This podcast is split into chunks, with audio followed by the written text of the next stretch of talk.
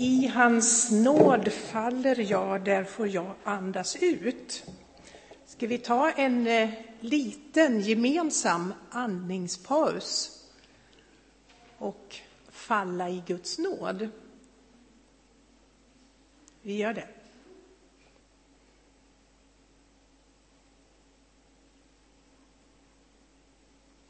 Herre, tack att vi just nu får släppa greppet så gott vi, vi förmår och falla i din nåd. Tack att den finns där under oss hela tiden som en stark kraft, bärkraft. Vi ber att du ska uppenbara något av din nåd för oss idag. Amen.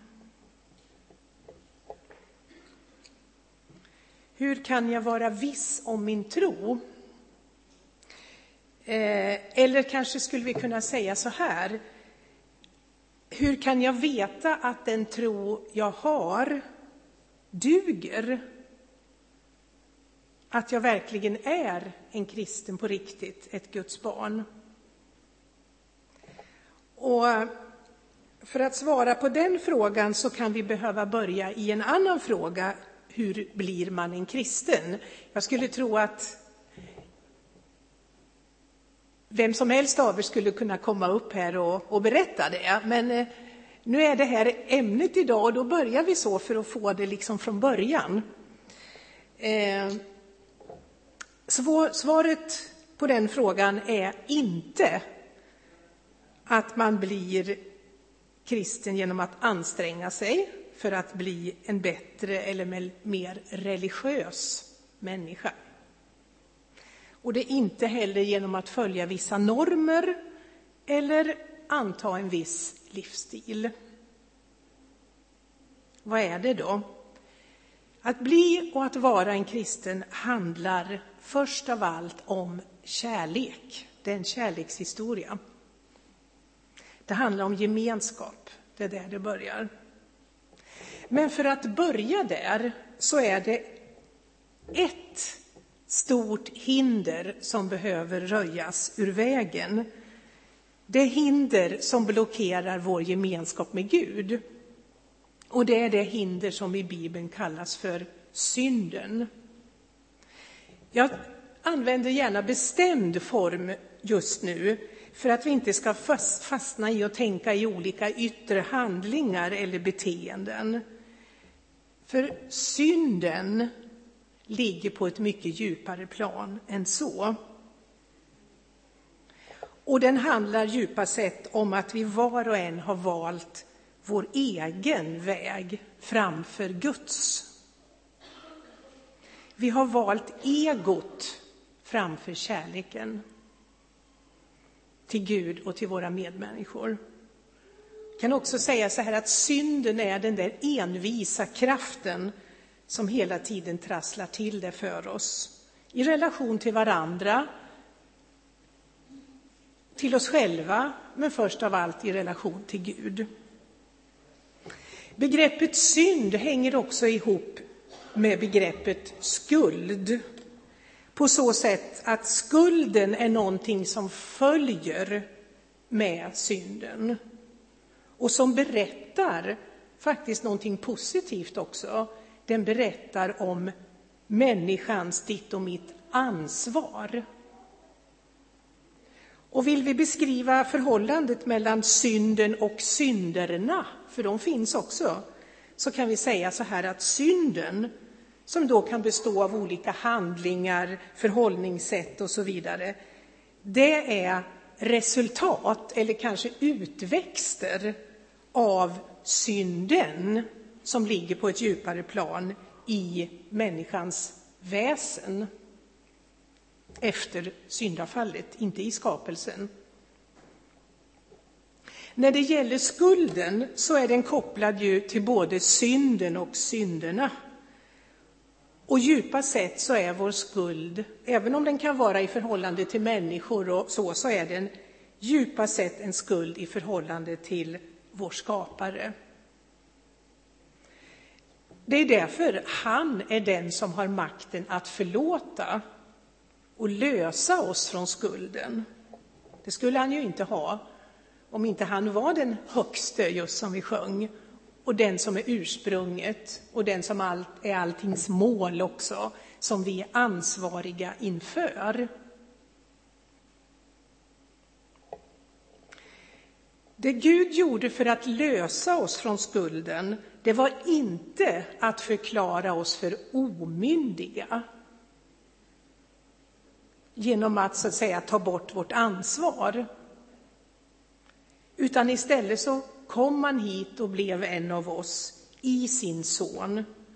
Som sann Gud och sann människa kunde Jesus bli vår representant inför Gud Fadern. Och därmed kunde han ta ansvaret för vår synd på sig utan att göra oss så att säga, oansvariga. Och Gud han hade tänkt ut det här från början.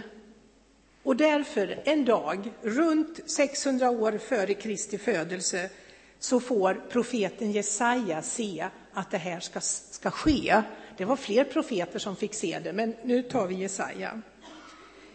För i den mest kända av Gamla testamentets förutsägelser om Jesus så skriver han bland annat så här om en framtida gestalt som man kallar för Herrens tjänare. Jesaja 53, vers 6. Vi gick alla vilse som får, var och en av oss tog sin egen väg, men Herren lät vår skuld drabba honom. Skulden, det är alltså djupast sett detta att vi tog vår egen väg istället för Guds. Det behöver inte betyda att vi aktivt har förnekat Gud. Det var säkert inga av dem som Jesaja först gav sitt budskap till som hade förnekat Gud, men de hade valt en annan väg. Och så lite längre fram i texten, i vers 11, då är det liksom citat Gud. Då säger han, min tjänare, den rättfärdige, ger rättfärdighet åt många och bär deras skuld. Det hebreiska ordet för många, det står faktiskt för alla, så det är inte så att det är en begränsning i det här. Och sen i Nya testamentet så blir det ju tydligt att det här handlar just om Jesus. Han är den som genom sitt lidande försonar människan med Gud. Och det kan han alltså göra eftersom han är den här fullvärdiga representanten för människosläktet. Och även för att han som människa, faktiskt den enda människan, levt sitt liv helt och hållet efter Guds vilja. I fullkomlig kärlek utan minsta fläck utan minsta avsteg, så att säga, från Guds fullkomliga kärlek och helighet. Därför kunde han ta på sig våran skuld och så i utbyte ge oss som en gåva fritt och förintet sin egen rättfärdighet. Korsets mysterium. Han tar vår synd och skuld och så får vi istället hans rättfärdighet. När våra axlar har blivit fria från skulden så lägger han över oss sin rättfärdighet. Och det betyder att han inte bara förlåter och stryker ett streck över allt som har gått snett, utan att han dessutom ger oss en ny och fräsch utgångspunkt genom att själv flytta in han inte bara lägger rättfärdigheten ovanpå oss, utan han flyttar in i vårt innersta djup med sin ande, med sin livsström, som är gemenskapen med Fadern. Det är det som Bibeln kallar för att bli Guds barn och för en ny födelse. Så om Jesus nu har tagit vår skuld på sig betyder det att vi inte längre behöver bära den. Han har lyft, av oss den ansvarsbördan. Men det betyder inte att jag gjorts oansvarig för mitt liv, Utan jag har fortfarande ett stort ansvar. Det första ansvaret är det att ta emot hans gåva och att sen leva i den. Johannes, en av lärjungarna då, han skriver i sitt evangelium om det här, kapitel 1, vers 12. Åt dem som tog emot honom, Jesus, gav han rätten att bli Guds barn, åt alla som tror på hans namn. Det här är, som ni hörde nu, det är ett stycke hebreisk poesi faktiskt. Det kan, den kan se ut på många olika sätt, men bland annat så här att man säger en sak på två olika sätt. Alltså, att ta emot Jesus, det är en vinkling så att säga av samma sak som det han säger när han säger tro på hans namn. Att ta emot Jesus och att tro på hans namn. Två sätt att säga samma sak. Och dessutom är det ett hebreiskt sätt att uttrycka sig när Johannes talar om att tro på hans namn. Vi kanske går, inte går omkring och säger att jag tror på, på Ann-Kristins namn eller så. Va? Det är inte vårt sätt att uttrycka oss. Men i hebreiskt uttryckssätt så är det detsamma som att tala om personen. Alltså att tro på Jesu namn, det är att ha förtroende för Jesus som person, för allt det han står för. Och det innebär då att också lita på det han har gjort för oss genom sin död och uppståndelse. Så vi blir Guds barn, inte på grund av oss själva och våra egna prestationer, utan enbart på grund av Jesus, vem han är och vad han gjort. Allt är en gåva, men för att ta emot gåvan, det finns en sak till förknippad med detta. Och det är att vi måste vända om till Gud. Om vi förut har tagit vår egen väg så kallas vi nu att vända om. Jag måste vända mig till den som sträcker ut gåvan. Jag kan inte ta emot gåvan så och så vända gåvogivaren ryggen, utan jag måste vända om. Det är därför Jesus, hans budskap är omvänd er och, och för att Guds rike är nära. Men hur kan jag då vara säker på att jag är ett Guds barn, om det nu är det jag vill?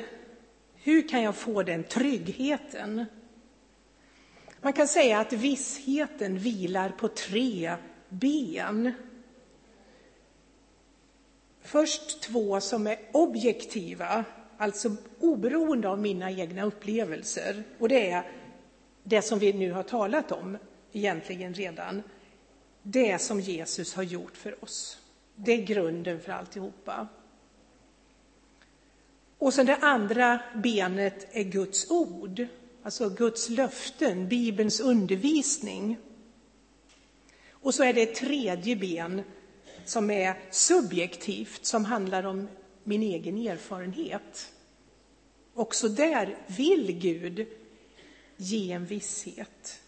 Och det benet är den helige Andes närvaro och vittnesbörd i våra liv. Först ettan då, det som Jesus har gjort för oss, det har vi redan talat om och därför vill jag bara nu komplettera med en bild som illustrerar hur avgörande det här är.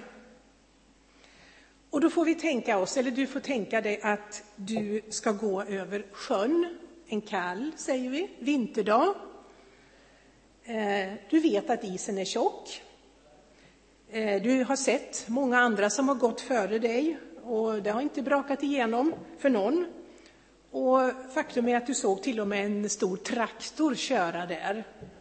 Och det gick alldeles utmärkt.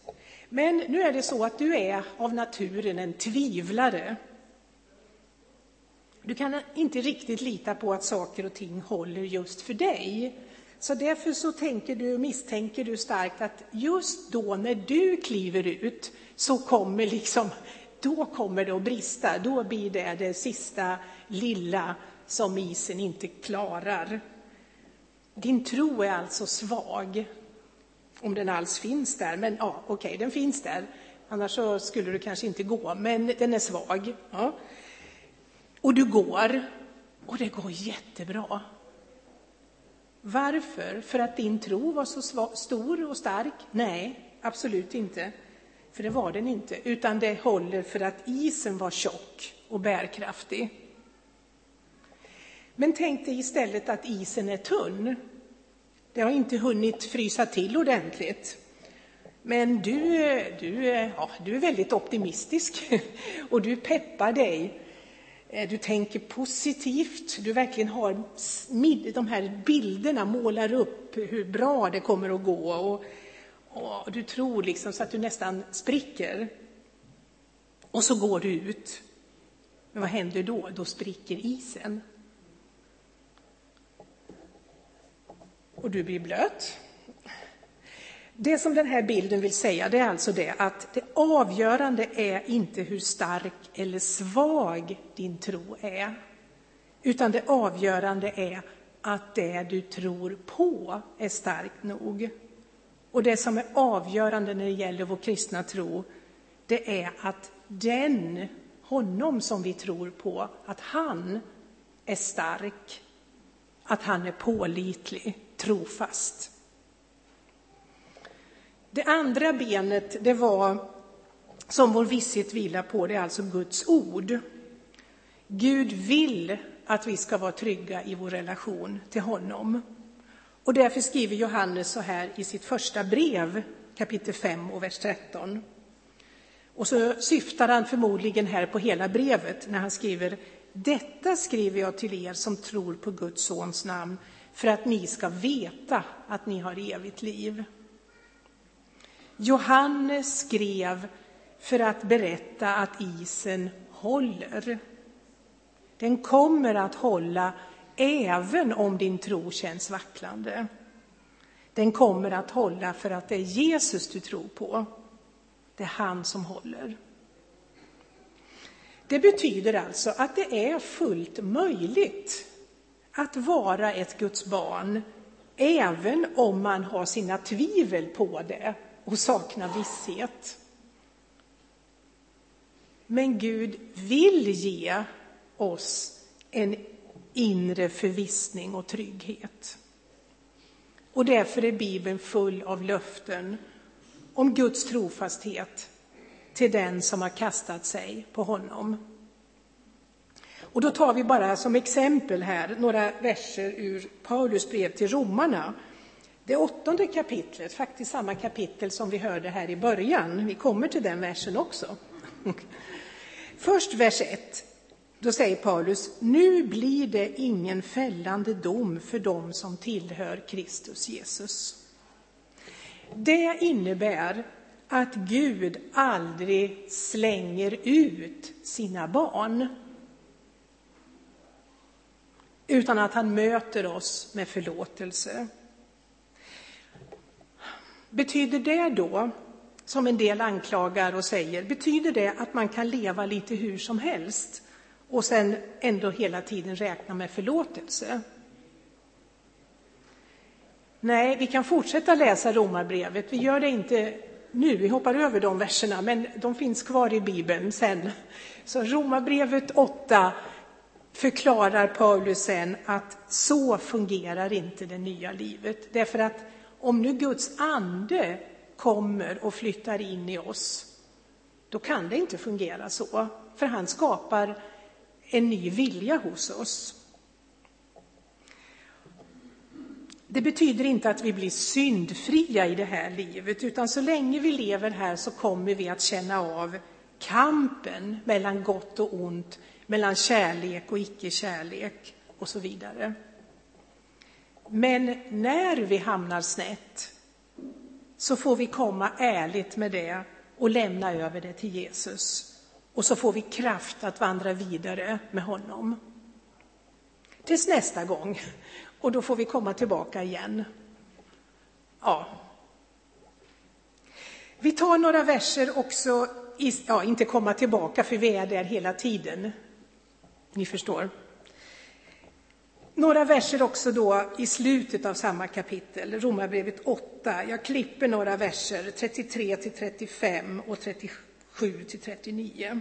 Paulus skriver, vem kan anklaga Guds utvalda? Ibland gör vi det själva och även andra kan göra det. Men här säger Paulus, vem kan anklaga Guds utvalda? Det är en sån här retorisk fråga. Gud frikänner, vem kan då fälla? Kristus är den som har dött och därtill den som har uppväckts och sitter på Guds högra sida och vädjar för oss. Vem kan då skilja oss från Kristi kärlek?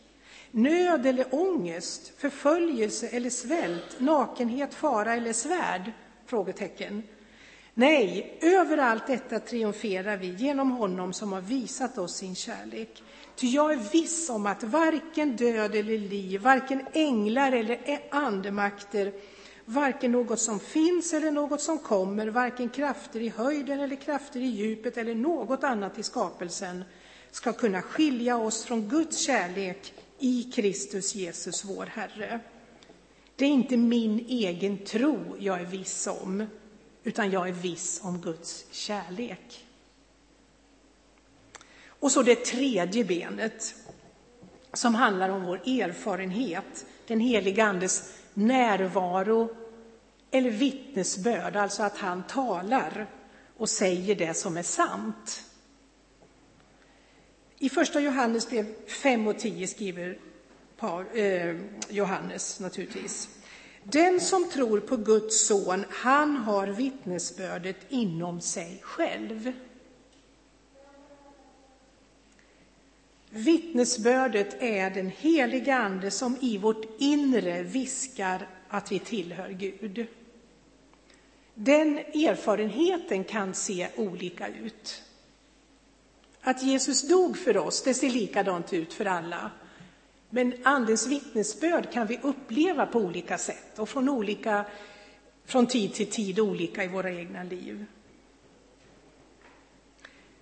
Andens röst, om vi kallar det för det, kan vara en inre förvissning. Det kan vara en pålande glädje, en stilla susning. Det kan vara en frid som finns där, också mitt i oro och bekymmer. Men nu är det ju lite komplicerat på ett sätt därför att vi människor är inte bara ande, utan vi är också kropp och själ. Och det betyder att även när Guds ande bor i oss så kan vi på det fysiska planet och på det psykiska planet störas av olika blockeringar som gör att vi inte uppfattar Andens röst så tydligt. Det kan handla om stress, trötthet, utmattning, depression, tvivel av olika slag. Tvivel det kan förresten vara både intellektuella tvivel och mer känslomässiga tvivel. Andens röst kanske i de lägena känns mest som en svidande längtan, en brännande törst. Men det är också Guds eh, så att säga viskning att vi tillhör honom, för vi längtar efter honom. Men ingenting av allt det där negativa kan ändra på vad Jesus har gjort och vad Gud har sagt. Och nu vill jag avsluta med ett par verser också från mitten av Romarbrevet 8, eh, nämligen vers 15 till 16. Det handlar fortfarande om det tredje benet. Ni har inte fått en ande som gör er till slavar så att ni måste leva i fruktan igen. Ni har fått en ande som ger söners rätt så att vi kan ropa Abba, Fader. Anden själv vittnar tillsammans med vår ande om att vi är Guds barn. Och varför skriver Paulus om söners rätt?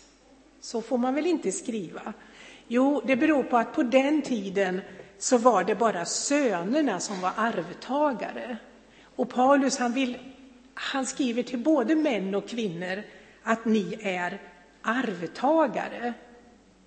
Ni tillhör ju Gud hela Guds rike är ert. Och när det gäller ordet Abba så är det ju arameiskans, alltså Jesus språks motsvarighet till pappa. Och det här ordet Abba, det har en klang av kära lilla pappa. Att tilltala Gud så familjärt, det var ingen självklarhet för, ens för judarna, utan det var något nytt som Jesus förde in. Förut hade man kallat Gud för folkets fader, det finns i Gamla testamentet. Men att som Jesus gjorde säga, när ni ber så ska ni be pappa, fader. Nu, använder, nu är det det grekiska ordet för pappa eller för fader som står just där, men Jesus talade ju arameiska, så han använde säkert det här ordet då också. Be till er pappa, er kära lilla pappa. Tack vare, eh, alltså att tilltala Gud så familjärt, det var alltså en, hel, en helt ny, en överraskning. Så tack vare det Jesus har gjort för oss så kan vi få komma in och tillsammans med Jesus uppleva en nära och förtrolig relation till Gud som vår far. Det är stort. Amen.